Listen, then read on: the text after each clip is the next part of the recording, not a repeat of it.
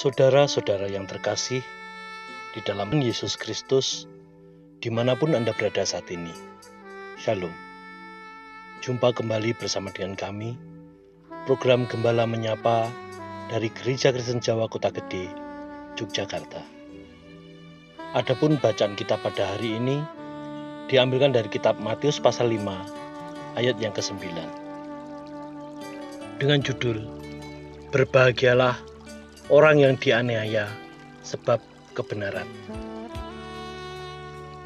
Bacaan kitab Matius pasal 5 ayat yang 10 Demikian firman Tuhan. Berbahagialah orang yang dianiaya oleh sebab kebenaran, karena merekalah yang empunya kerajaan surga. Jemaat yang dikasihi dan mengasihi Tuhan,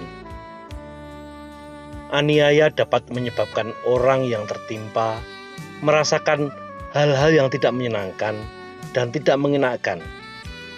Seperti misalnya mengalami sakit, menderita lahir batin, hidupnya tidak nyaman, kehilangan kebebasan, dan lain sebagainya. Aniaya dapat terjadi karena sebab-sebab internal, karena akibat dari kesalahan orang itu sendiri. Karena sikap, kata-kata, dan perbuatan yang dilakukannya sendiri dan lain-lainnya, sehingga orang lain menganiayanya. Namun, aniaya juga dapat terjadi karena sebab-sebab eksternal, yaitu aniaya yang terjadi karena tindakan dari luar, dari orang dan pihak lain Kadangkala, aniaya yang dari luar terjadi tanpa diketahui dengan jelas sebab-sebabnya. Menimpa dengan tiba-tiba yang sebelumnya semuanya baik-baik dan aman-aman saja.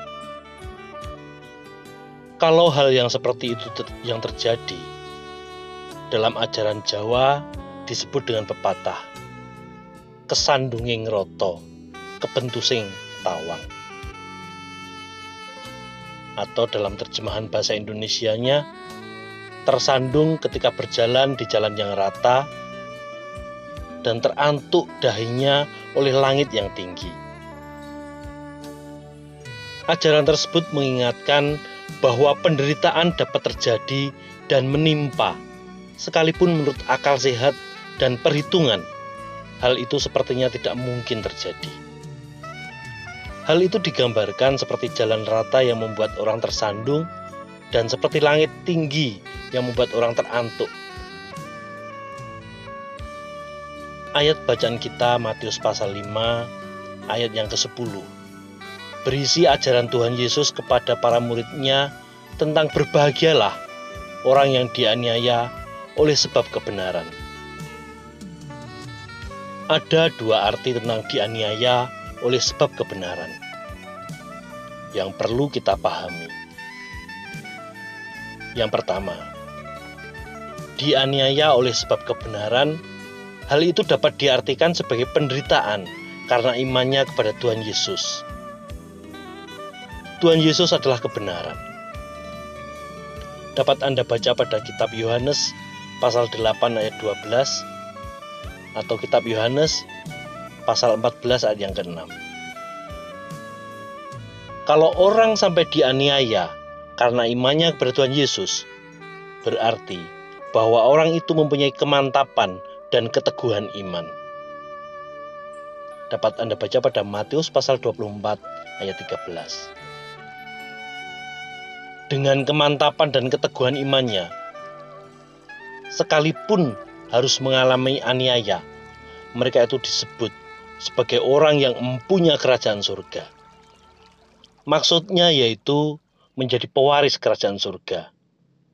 Dalam arti memperoleh keselamatan kekal bersama Bapa Surgawi.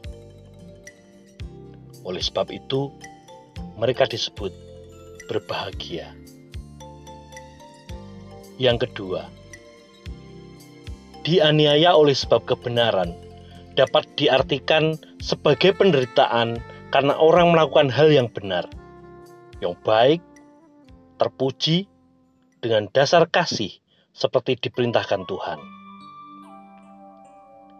Orang beriman yang hidup dan melakukan perbuatan baik itu dalam Yakobus pasal 2 ayat 17 disebutkan sebagai yang mempunyai iman yang hidup, bukan iman yang mati. Dan mereka yang demikian itu disebut yang empunya kerajaan surga, yaitu kerajaan di mana Tuhan Allah yang menjadi rajanya, di mana kehidupan kekal tersedia bagi mereka bersama Bapa Surgawi. Dan mereka yang demikian itu yang akan disebut berbahagia.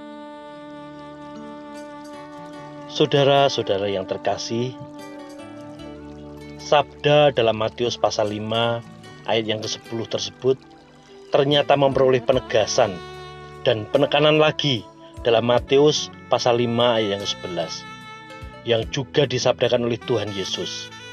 Yang demikian Berbahagialah kamu jika karena aku kamu dicela dan dianiaya, dan kepadamu difitnahkan segala yang jahat.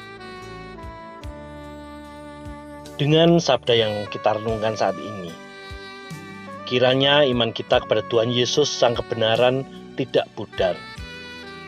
Juga iman kita yang disertai ketaatan akan kebenaran firman Tuhan dengan selalu melakukan perbuatan baik tetap mewarnai hidup kita.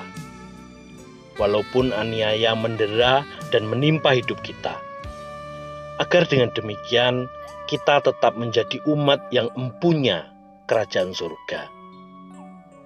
Tuhan beserta dan memberkati kita sejemaat. Amin.